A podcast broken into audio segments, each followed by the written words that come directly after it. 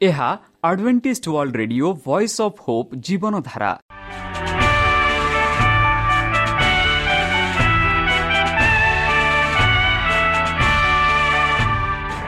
Odia radio କାର୍ଯ୍ୟକ୍ରମ ଯାହା ଆମର ଆନ୍ତର୍ଜାତୀୟ ଆଘାତ କେନ୍ଦ୍ରରୁ ପ୍ରସାରଣ କରାଯାଉଛି ପ୍ରତିଦିନ ରାତି ନଅଟା ତିରିଶ ମିନିଟ୍ରେ। ମୁଁ ସୁବ୍ରତ କୁମାର ପତି ପ୍ରେମର ସହ ଆପଣମାନଙ୍କୁ ଏହି କାର୍ଯ୍ୟକ୍ରମକୁ ସ୍ୱାଗତ କରୁଅଛି। ଚାଲନ୍ତୁ ଆଜିର ତିରିଶ ମିନିଟ୍ର କାର୍ଯ୍ୟକ୍ରମ ବିଷୟରେ ଜାଣିନେବା। ପ୍ରଥମେ ରଖିଛୁ ଆଧ୍ୟାତ୍ମିକ ଭକ୍ତିମୟ ଗୀତ। ଏହାପରେ ଶୁଣିବା ସ୍ୱାସ୍ଥ୍ୟ ବିଷୟରେ ଯାହା ଆମର ଦୈନିକ ଜୀବନରେ ଅତ୍ୟନ୍ତ ଜରୁରୀ। ଆଉ ପରିଶେଷରେ ଶୁଣିବା ପରମେଶ୍ୱରଙ୍କ ଭକ୍ତଙ୍କଠାରୁ ଜୀବନଦାୟକ ଈଶ୍ୱରଙ୍କ ବାକ୍ୟ। ପ୍ରିୟ ଶ୍ରୋତା ତାହେଲେ ଚାଲନ୍ତୁ ଶୁଣିବା ଏକ ଆଧ୍ୟାତ୍ମିକ ଭକ୍ତିମୟ ଗୀତ।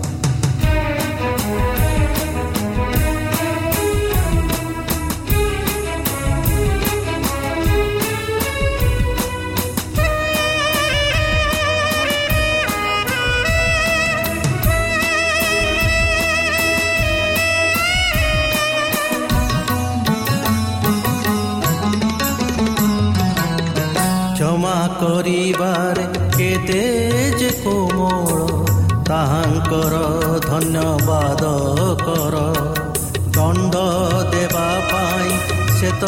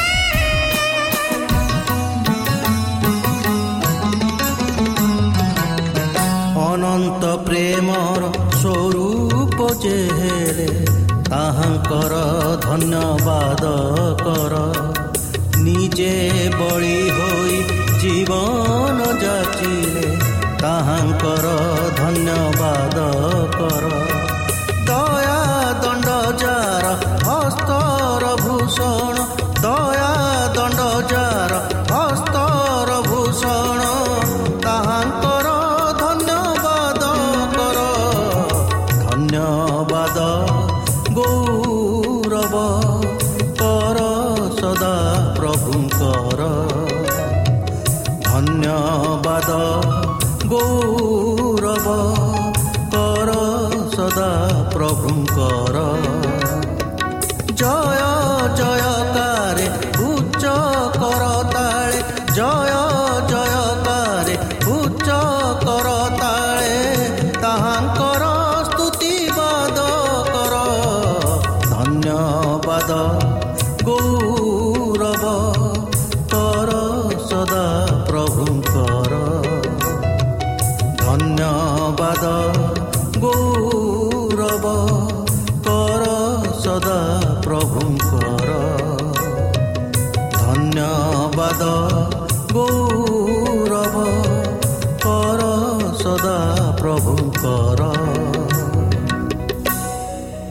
ଆପଣଙ୍କର ମତାମତ ଜଣାଇବା ପାଇଁ ଆମର ଏହି ଠିକଣାରେ ଯୋଗାଯୋଗ କରନ୍ତୁ ଆମ ଠିକଣା Adventist Media Center SDA mission compound Salisbury Park Pune ଚାରି ଏକ ଏକ ଶୂନ ତିନି ସାତ ମହାରାଷ୍ଟ୍ର ବା ଖୋଲନ୍ତୁ ଆମର ୱେବସାଇଟ୍ ଯେକୌଣସି Android phone smartphone desktop laptop କିମ୍ବା ଟ୍ୟାବ୍ଲେଟ୍ ଆମର website W W W dot A W R dot O R G slash O R I ଏବଂ W W W dot Adventist Media Center India dot O R G ବର୍ତ୍ତମାନ ଚାଲନ୍ତୁ ଶୁଣିବା ଈଶ୍ୱରଙ୍କ ଭକ୍ତଙ୍କଠାରୁ ଈଶ୍ୱରଙ୍କ ଜୀବନଦାୟକ ବାକ୍ୟ।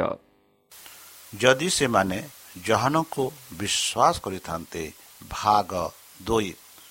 ନମସ୍କାର ପ୍ରିୟ ଶ୍ରୋତା ସେହି ସର୍ବଶକ୍ତି ସର୍ବଜ୍ଞାନୀ ପ୍ରେମର ସାଗର ଦୟାମୟ ଅନ୍ତର୍ଜମୀ ଅନୁଗ୍ରହ ପରମ ପିତାଙ୍କ ମଧୁର ନାମରେ ମୁଁ ପାଷ୍ଟ ପୂର୍ଣ୍ଣଚନ୍ଦ୍ର ଆଉ ଥରେ ଆପଣମାନଙ୍କୁ ଏହି କାର୍ଯ୍ୟକ୍ରମରେ ସ୍ୱାଗତ କରୁଅଛି। ପ୍ରିୟ ଶ୍ରୋତା ସେହି ସର୍ବଶକ୍ତି ପରମେଶ୍ୱର ଆପଣମାନଙ୍କୁ ଆଶୀର୍ବାଦ କରନ୍ତୁ। ଆପଣଙ୍କୁ ସମସ୍ତ ପ୍ରକାର ଦୁଃଖ କଷ୍ଟ ବାଧା କ୍ଲେଶ ଓ ରୋଗରୁ ଦୂରେଇ ରଖୁ। ବିଶେଷ ଭାବରେ ବର୍ତ୍ତମାନ ଯେଉଁ କରୁଣା ମହାମାରୀ ସାରା ପୃଥିବୀକୁ ଆପଣା ପ୍ରଭାବ ଦେଖାଉଅଛି ସେହି ପ୍ରଭାବରୁ ସେହି ପରମେଶ୍ୱର ଆପଣମାନଙ୍କୁ ସୁରକ୍ଷାରେ ରଖନ୍ତୁ। ତାହାଙ୍କ ପ୍ରେମ ତାହାଙ୍କ ସ୍ନେହ ତାହାଙ୍କ କୃପା ତାହାଙ୍କ ଶ୍ରାନ୍ତି ଓ ତାହାଙ୍କ ଅନୁଗ୍ରହ ସଦାସର୍ବଦା ଆପଣଙ୍କଠାରେ ସହବର୍ତ୍ତୀ ରହୁ। ପ୍ରିୟ ତଥା ଚାଲନ୍ତୁ ଆଜି ଆମ୍ଭେମାନେ କିଛି ସମୟ ପବିତ୍ର ଶାସ୍ତ୍ର ବାଇବଲଠୁ ତାହାଙ୍କ ଜୀବନଦାୟକ ବାକ୍ୟ ଧ୍ୟାନ କରିବା। ଆଜିର ଆଲୋଚନା ହେଉଛି ଯଦି ସେମାନେ ବିଶ୍ୱାସ କରିଥାନ୍ତେ ବା ଯଦି ସେମାନେ ଜହନଙ୍କୁ ବିଶ୍ୱାସ କରିଥାନ୍ତେ ଭାଗ ଦୁଇ। ଏହାର ଭାଗ ଏକ। ଗତକାଲି ଆମେ ଆଲୋଚନା କରିସାରିଛୁ। ଚାଲନ୍ତୁ ଏହି ଆଲୋଚନାକୁ ଆମେ ଆଗକୁ ବଢ଼େଇବା। ଯେପରି ଯୀଶୁଙ୍କ ଉପସ୍ଥିତି ସମସ୍ତ ଲୋକଙ୍କୁ ସମ୍ବୋଧିତ ହୋଇଥିଲା। କିନ୍ତୁ ଯାଜକମାନେ ଓ ଶାସକମାନେ ଉତ୍ତର ଦେଲେ ସେମାନେ କହିଲେ ସେ ଦୁଷ୍ଟ ଲୋକମାନଙ୍କ ଦୁଃଖରେ ବିନାଶ କରିବ ଏବଂ ଅନ୍ୟ ଦ୍ରାକ୍ଷା କ୍ଷେତ୍ରକୁ ଦ୍ରାକ୍ଷା କ୍ଷେତ୍ରକୁ ଛାଡ଼ିଦେବ। ଭକ୍ତମାନେ ପ୍ରଥମେ ଏହି ଦୃଷ୍ଟାନ୍ତର ପ୍ରୟୋଗକୁ ଅନୁଭବ କରିନଥିଲେ କିନ୍ତୁ ସେମାନେ ବର୍ତ୍ତମାନ ଦେଖିଲେ ଯେ ସେମାନେ ନିଜର ନିନ୍ଦା କରିଛନ୍ତି। ଏହି ଦୃଷ୍ଟାନ୍ତର ଘର ମାଲିକ ଈଶ୍ୱରଙ୍କ ଦ୍ରାକ୍ଷା କ୍ଷେତ୍ର ଜୁହୁଦୀ ଜାତିର ପ୍ରତିନିଧିତ୍ୱ କରୁଥିଲା ଏବଂ ଈଶ୍ୱରୀୟ ନିୟମମାନଙ୍କୁ କରିଥିଲେ ଯାହା ସେମାନଙ୍କ ସୁରକ୍ଷା ଥିଲା। ଏହି ଗଡ଼କଟି ମନ୍ଦିରର ପ୍ରତୀକ ଥିଲା। ଦ୍ରାକ୍ଷା କ୍ଷେତ୍ରର ପ୍ରଭୁ ଏହାର ସମୃଦ୍ଧତା ପାଇଁ ଆବଶ୍ୟକୀୟ ସମସ୍ତ କାର୍ଯ୍ୟ କରିଥିଲେ। ସେ କୁହନ୍ତି ମୋର ଦ୍ରାକ୍ଷା କ୍ଷେତ୍ରରେ ଅଧିକ କ'ଣ କରାଯାଇଥାନ୍ତା? ମୁଁ ଏହା ଏକ କରିନାହିଁ ଏପରିକି ଭାବରେ ଇସ୍ରାଏଲ ପାଇଁ ଈଶ୍ୱରଙ୍କ ଅବାଧ୍ୟ ଯତ୍ନ ପ୍ରତିନିଧିତ୍ୱ କରିଥିଲା। ଏବଂ ଯେପରି କୃଷକମାନେ ଦ୍ରାକ୍ଷାରତର ଫଳର ଉପଯୁକ୍ତ ଅନୁପାବରେ ପ୍ରଭୁଙ୍କ ନିକଟକୁ ଫେରିବାକୁ ଯାଉଥିଲେ। ସେହିପରି ଈଶ୍ୱରଙ୍କ ଲୋକମାନେ ସେମାନଙ୍କ ପବିତ୍ର ସୁବିଧା ଅନୁଆଇ ଜୀବନ ଦ୍ୱାରା ତାଙ୍କୁ ସମ୍ମାନିତ କରିବେ। କିନ୍ତୁ ଯେପରି କୃଷକମାନେ ସେମାନଙ୍କୁ ହତ୍ୟା କରିଥିଲେ ସେମାନଙ୍କୁ ମାଲିକ ସେମାନଙ୍କୁ ଫଳ ପାଇଁ ପଠାଇଥିଲେ ସେହିପରି ଯେଉଁଦୀମାନେ ସେହି ଭବିଷ୍ୟତ ଭକ୍ତମାନଙ୍କୁ ହତ୍ୟା କଲେ। ଯାହାକୁ ଈଶ୍ୱରଙ୍କ ସେବକମାନଙ୍କୁ ସେମାନଙ୍କୁ ଅନୁତାପ କରିବାକୁ ଡାକିଲେ। ସେ ହତ୍ୟା କରାଯାଇଥିବା ସେମାନେ ହତ୍ୟା କରାଯାଇଥିବା ଲୋକମାନଙ୍କ ଠାରେ ଅନୁତାପ କରିବାକୁ କହିଥିଲେ। ଏପର୍ଯ୍ୟନ୍ତ ଏହି ଦୃଷ୍ଟାନ୍ତର ପ୍ରୟୋଗ ଉପରେ ପ୍ରଶ୍ନ କରାଯାଇଥିଲା କରାଯାଇପାରିଲା ନାହିଁ ଏବଂ ଏହା ପରେ ଯାହା କମ୍ ସ୍ପଷ୍ଟ ହୋଇନଥିଲା। ପ୍ରିୟ ପୁତ୍ରରେ ଯାହାକୁ ଦ୍ରାକ୍ଷା କ୍ଷେତ୍ରର ପ୍ରଭୁ ଶେଷରେ ତାଙ୍କ ଆବଦ୍ଧ ସେବକମାନଙ୍କୁ ପଠାଇଲେ ଏବଂ ସେମାନେ କାହାକୁ? ତେଣୁ ଯେଉଁଦୀମାନେ ସେହି ଭବିଷ୍ୟତ ଭକ୍ତମାନଙ୍କୁ ହତ୍ୟା କଲେ ଯାହାକୁ ଈଶ୍ୱର ସେମାନଙ୍କୁ ଅନୁତାପ କରିବାକୁ ଦୃଷ୍ଟାନ୍ତ ପ୍ରୟୋଗ ଉପରେ ପ୍ରଶ୍ନ କରାଯାଇ ପାରିଲା ନାହିଁ। ଏହା ଏବଂ ସ୍ପଷ୍ଟ ହୋଇଥିଲା ବନ୍ଧୁ ଯେପରି ପ୍ରିୟ ପୁତ୍ରକୁ ସେହି ପରମେଶ୍ୱର ପଠାଇଲେ। ଧରାଯିବା ଏକ ହତ୍ୟା କରିବା ଯାଜକ ଏକ ଓ ଶାସକମାନେ ଯୀଶୁ ଏବଂ ତାଙ୍କର ଅସୁବିଧା ଭାଗ୍ୟର ଏକ ଭିନ୍ନ ଚିତ୍ର ଦେଖିଲେ। ପିତା କରିସାରିଛନ୍ତି। କୃତଜ୍ଞତା ସ୍ୱାମୀମାନଙ୍କ ଉପରେ ଦିଆଯାଇଥିବା ପ୍ରତିଶୋଧର ଯେଉଁମାନେ କୃଷ୍ଣଙ୍କୁ ହତ୍ୟା କରିବାକୁ ଉଚିତ ସେମାନଙ୍କୁ ଦଣ୍ଡକୁ ଚିତ୍ରଣ କରାଯାଇଥିଲା। ସେମାନଙ୍କ ପ୍ରତି ଦୟା ଦେଖାଇ ତ୍ରାଣକର୍ତ୍ତା ଜାରି ରଖିଛନ୍ତି। ଆପଣ ଶାସ୍ତ୍ରରେ ପଡ଼ନ୍ତି ନାହିଁ କି? ଯେଉଁ ପଥର ନିର୍ମାଣକାରୀମାନେ ପ୍ରତ୍ୟାଖ୍ୟାନ କରିଥିଲେ ସେହି କଣର ମୁଣ୍ଡରେ ପରିଣତ ହୋଇଅଛି। ଏହା ପ୍ରଭୁଙ୍କ କାର୍ଯ୍ୟ ଏବଂ ଏହା ଆମ ଆଖିରେ ଆଶ୍ଚର୍ଯ୍ୟଜନକ ଅଟେ। ଅତଏବ ମୁଁ ତୁମକୁ କହୁଅଛି ପରମେଶ୍ୱରଙ୍କ ରାଜ୍ୟ ତୁମଠାରୁ ନିଆଯିବ ଏବଂ ଏହାର ଫଳ ଉତ୍ପନ୍ନ କରୁଥିବା ଦେଶକୁ ଦିଆଯିବ। ଆଉ ଯେ କେହି ଏହି ପଥର ଉପରେ ପଡ଼ିବ ସେ ଭାଙ୍ଗି ପଡ଼ିବ। ଏହି ଯେଉଁଦୀମାନେ ସମାଜ ଗୃହରେ ବାରମ୍ବାର ପୁନରାବୃତ୍ତିତ କରିଥିଲେ। ଏହାକୁ ଆଗାମୀ ଖ୍ରୀଷ୍ଟଙ୍କ ନିକଟରେ ପ୍ରୟୋଗ କରିଥିଲେ। ଖ୍ରୀଷ୍ଟ ଯେଉଁଦି ଅର୍ଥନୀତିର ମୂଳଦୁଆ ଏବଂ ପରିତ୍ରାଣର ସମ୍ପୂର୍ଣ୍ଣ ଯୋଜନା ଥିଲା।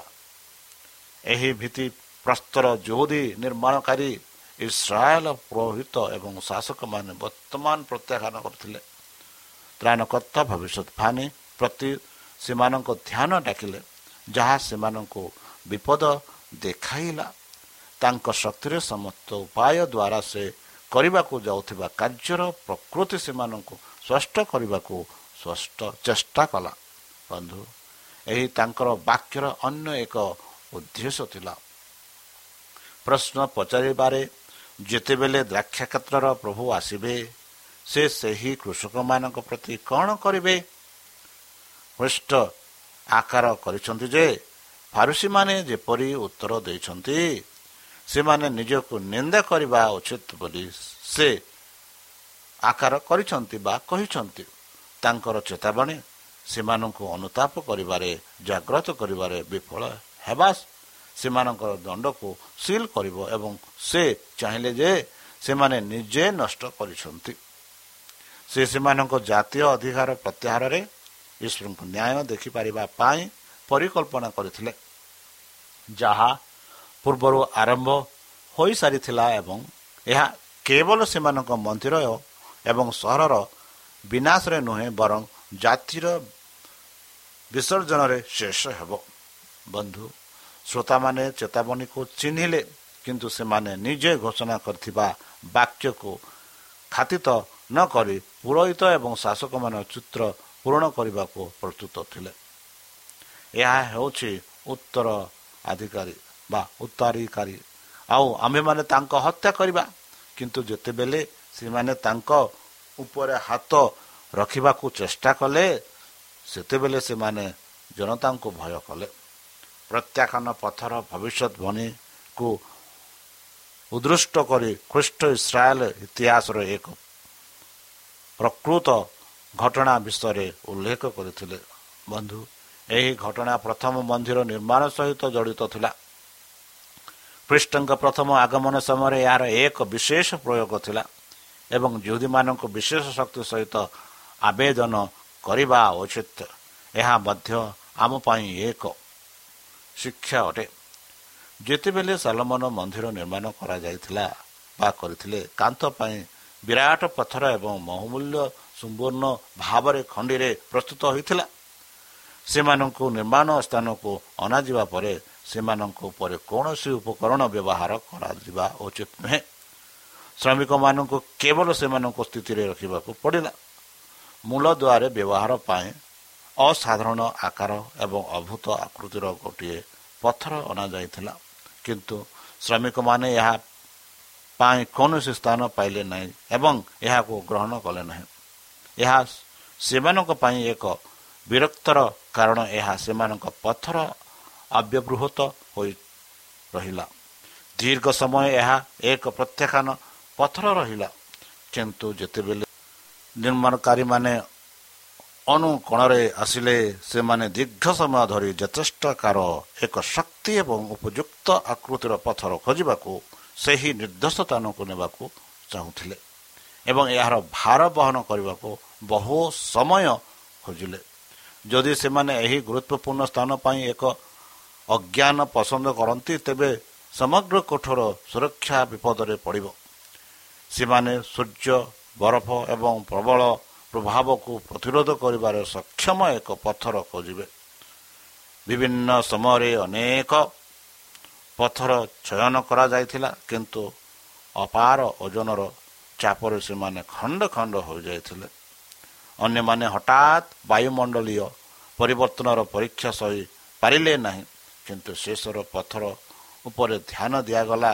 ଏତେ ଦିନ ପ୍ରତ୍ୟାଖ୍ୟାନ ସାମାନ୍ୟ ଫାଟକୁ ପ୍ରକାଶ ନ କରି ଏହା ବାୟୁ ସୂର୍ଯ୍ୟ ଏବଂ ଝଡ଼ରେ ସମ୍ପୂର୍ଣ୍ଣରେ ଆସିଥିଲା। ନିର୍ମାଣକାରୀମାନେ ଏହି ପଥରକୁ ପରୀକ୍ଷା କଲେ। ଏହା ପ୍ରତ୍ୟେକ ପରୀକ୍ଷା ବହନ କରିଥିଲା କିନ୍ତୁ ଗୋଟିଏ ଯଦି ଏହା ପ୍ରବଳ ଚାପର ପରୀକ୍ଷା ସହିପାରେ ସେମାନେ ଏହାକୁ ପୁନର ପାଇଁ ଗ୍ରହଣ କରିବାକୁ ସ୍ଥିର କଲେ। ପରୀକ୍ଷା କରାଯାଇଥିଲା ପଥରଟି ଗ୍ରହଣ କରାଯାଇଥିଲା ଏହା ନିର୍ଦ୍ଦିଷ୍ଟ ସ୍ଥିତିକୁ ଅଣାଯାଇଥିଲା। ଏବଂ ଏକ ସଠିକ ଫିଟ୍ ବୋଲି ଜଣାପଡ଼ିଛି। ବନ୍ଧୁ ଭବିଷ୍ୟତବାଣୀ ଦର୍ଶନରେ ଯିଶାଙ୍କୁ ଦର୍ଶାଇଥିଲେ ଯେ ଏହି ପଥରଟି କୃଷ୍ଣଙ୍କର ପ୍ରତୀକ। ସେ କୁହନ୍ତି ତୁଷାରପଥ ଏବଂ ଘୂର୍ଣ୍ଣିବୟଲ ବିଭିନ୍ନ ସମୟରେ ଅନେକ ପଥର ଛୟନ କରାଯାଇଥିଲା। କିନ୍ତୁ ଆପାର ଓଜନର ଚାପରେ ସେମାନେ ଖଣ୍ଡ ଖଣ୍ଡ ହୋଇଯାଇଥିଲେ।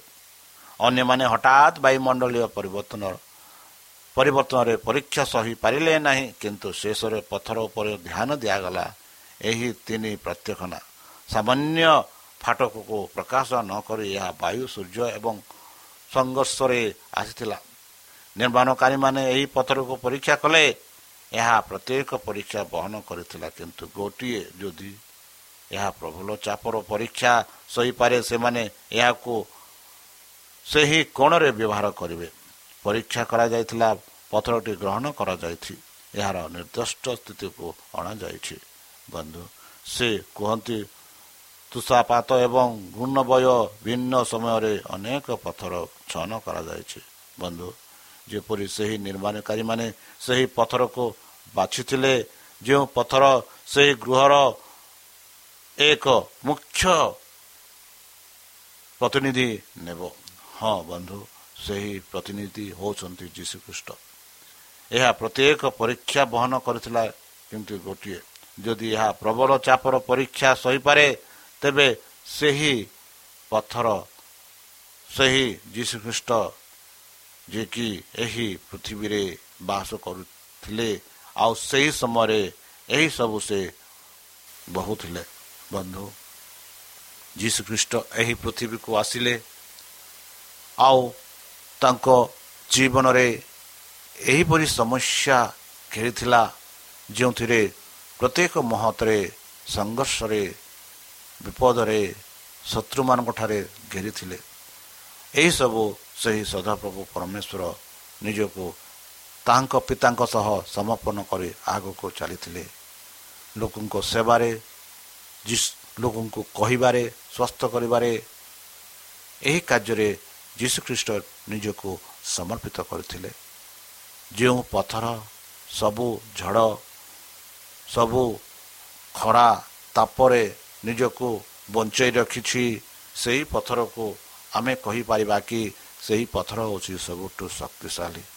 ଯେଉଁ ପଥର ଯେଉଁ ମଣିଷ ଛୋଟ ଷଡ଼ଯନ୍ତ୍ରରେ ଛୋଟ ପରୀକ୍ଷାରେ ନିଜକୁ ସେହି ଷଡ଼ଯନ୍ତ୍ରରେ ବା ସେହି ପରୀକ୍ଷାରେ ନିୟନ୍ତ୍ରିତ କରେ ସେହି ବ୍ୟକ୍ତି କେବେ ହେଲେ ଦୃଢ଼ ହୋଇନପାରେ ଯଦି ଆମେ ସେହି ପଥର ପରି ଦୃଢ଼ ସେହି ପଥର ପରି ଶକ୍ତିଶାଳୀ ହେବାକୁ ଚାହୁଁଛୁ ତାହେଲେ ପ୍ରେସତା ଯୀଶୁ କହିଲେ ମୁଁ ସେହି ପଥ ସତ୍ୟ ଓ ଜୀବନ। ଯଦି ଯେ କେହି ମୋ ଦେଇ ଯିବେ ସେ ମୋ ପିତା ପାଖକୁ ପହଞ୍ଚିବେ। ତାହେଲେ ପ୍ରିୟସତା ସେହି ଯୀଶୁ ଯେ କି ଆମ ଜୀବନ ସତ୍ୟ। ଆମ ପଥ। ଯଦି ତାହାଙ୍କଠାରେ ଆମେ ବିଶ୍ୱାସ କରିବା ଯଦି ତାଙ୍କ ବାକ୍ୟ ଅନୁସାରେ ଆମେ ଚାଲିବା ଆମେ ନିରନ୍ତର କେବେ ହେଲେ ବିନାଶ ନ ହୋଇ ଅନନ୍ତ ଜୀବନ ପ୍ରାପ୍ତ ହେବା। ଯୀଶୁ ସେହି ପଥର ଯେବେ ଇସ୍ରାଏଲ ମାନେ ମିଶ୍ର ଦେଶରୁ କେନନ ଦେଶକୁ ଆସୁଥିଲେ ସେହି ପଥର ସେମାନଙ୍କୁ ସେହି କେନନ ଦେଶକୁ ଆଡ଼କୁ ନେଲେ। ଆଉ ସେହି ପଥର ସେମାନଙ୍କ ତୃଷାକୁ ସନ୍ତୁଷ୍ଟ କରିଥିଲା। ବନ୍ଧୁ ସେହି ଯୀଶୁଖ୍ରୀଷ୍ଟ ସେହି ଇସ୍ରାଏଲମାନଙ୍କୁ ମିଶ୍ର ଦେଶରୁ କେନନ ଦେଶକୁ ସୁରକ୍ଷା ଭାବରେ ନେଇଥିଲେ। ଆଉ ସେହି ପରମେଶ୍ୱର ବର୍ତ୍ତମାନ ମାନଙ୍କୁ କହୁଛନ୍ତି ହେ ମୋର ବନ୍ଧୁ ହେ ମୋର ସନ୍ତାନ ଆସନ୍ତୁ। ମୁଁ ତୁମମାନଙ୍କୁ ବିଶ୍ରାମ ଦେବି। ତାହେଲେ ପ୍ରିୟସତା ଚାଲନ୍ତୁ। ଯୀଶୁଖ୍ରୀଷ୍ଟ ଯିଏକି ଆମମାନଙ୍କ ସୁରକ୍ଷା ଆମମାନଙ୍କ ମାର୍ଗ ତାଙ୍କଠାରେ ଆମେ ବିଶ୍ୱାସ କରି ନିଜକୁ ସମର୍ପଣ କରି ତାହାଙ୍କ ମଧୁର ନାମରେ ଆମେ ପ୍ରାର୍ଥନା କରିବା। ହେ ଆମମାନଙ୍କ ସର୍ବଶକ୍ତି ସର୍ବଜ୍ଞାନୀ ପ୍ରେମର ସାଗର ଦୟାମୟ ଅନ୍ତର୍ଜମୀ ଅନୁଗ୍ରହ ପିତା ଧନ୍ୟବାଦ ଅର୍ପଣ କରୁଅଛି ପ୍ରଭୁ। ବର୍ତ୍ତମାନ ଯେଉଁ ବାକ୍ୟ ଶୁଣାଇବା ପାଇଁ ଏହି ସମୟମାନଙ୍କୁ ଦେଇଥିଲ। ତୁମ ସେହି ଶ୍ରୋତାମାନଙ୍କୁ ଆଶୀର୍ବାଦ କର। ସମସ୍ତ ପ୍ରକାର ଦୁଃଖ କଷ୍ଟରୁ ସେମାନଙ୍କୁ ସୁରକ୍ଷାରେ ରଖ। ସେମାନଙ୍କ ପାପ ତୁମ ସେହି ବହୁମୂଲ୍ୟ ରକ୍ତରେ ପରିଷ୍କାର କରି ଧରିଦିଅ ବର୍ତ୍ତମାନ ଯେଉଁ ସମୟରେ ଆମେ ବାସ କରୁଛୁ ପ୍ରଭୁ ଏହି ସମୟ ଯେଉଁଥିରେ ସମସ୍ତେ କରୋନା ମହାମାରୀରେ ଭୟଭୀତ ହେଉଛନ୍ତି ଆକ୍ରାନ୍ତିତ ହୋଇଛନ୍ତି ସେମାନଙ୍କୁ ସୁରକ୍ଷାରେ ରଖ। ଆଉ ପରିଶେଷ ଦେବେ ତୁମେ ତୁମ ସେହି ସହସ୍ରଦୂତଙ୍କ ସହ। ଆପଣା ସାଧୁମାନଙ୍କୁ ସଂଗ୍ରହ କରି ମଧ୍ୟ ଆସିବେ। ହେ ପରମେଶ୍ୱର ସେତେବେଳେ ଆମମାନଙ୍କୁ ଏକ ବାସ ସ୍ଥାନ ଦିଅ ବୋଲି ତ୍ରାଣକର୍ତ୍ତା ପ୍ରଭୁ ଯୀଶୁଙ୍କ ମଧୁରମୟ ନାମରେ ଏହି ଛୋଟ ବିକ୍ଷମ ଅଛି ଶୁଣି ଗ୍ରହଣ କର। ଆମେନ୍। প্রিয় শ্রোতা আমি আশা করুছু যে আমার কার্যক্রম আপনার পসন্দ লাগুব আপনার মতামত পাই আমার এই ঠিকার যোগাযোগ করতু আমার ঠিকনা Advantage Media Center SDA mission compound সাি park Pune চারি এক এক শূন্য তিন সাত মহারাষ্ট্র বা খোলন্তু আমার ওয়েবসাইট যেকোন Android phone smartphone desktop laptop কিংবা ট্যাবলেট আমার website W W W dot A W R dot O R G slash O R I ଏବଂ W W W dot Advantage Media Center India dot O R G Advantage Media Center ଇଣ୍ଡିଆର spelling ହେଉଛି A D V E N T I S T M E D I A C E N T R E I N D I A ଅଥବା download କରନ୍ତୁ ଆମର mobile app ଆପଣଙ୍କର mobile play ଷ୍ଟୋରକୁ ଯାଆନ୍ତୁ ଆଉ type କରନ୍ତୁ the Voice of Hope ଆଉ download କରନ୍ତୁ। ଈଶ୍ୱର ଆପଣଙ୍କୁ ଆଶୀର୍ବାଦ କରନ୍ତୁ। ଧନ୍ୟବାଦ।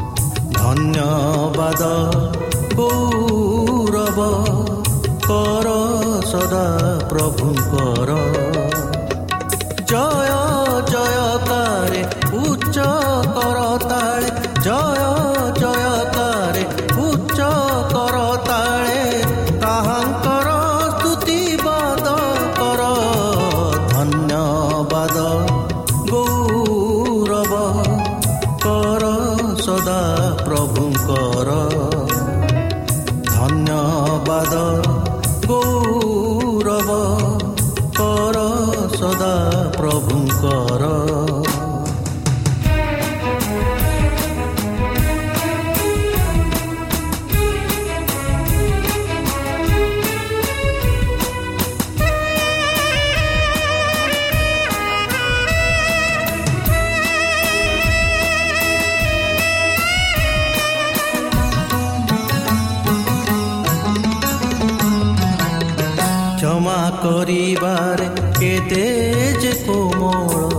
ତାହାଙ୍କର ଧନ୍ୟବାଦ କର। ଦଣ୍ଡ ଦେବା ପାଇଁ ସେ ତ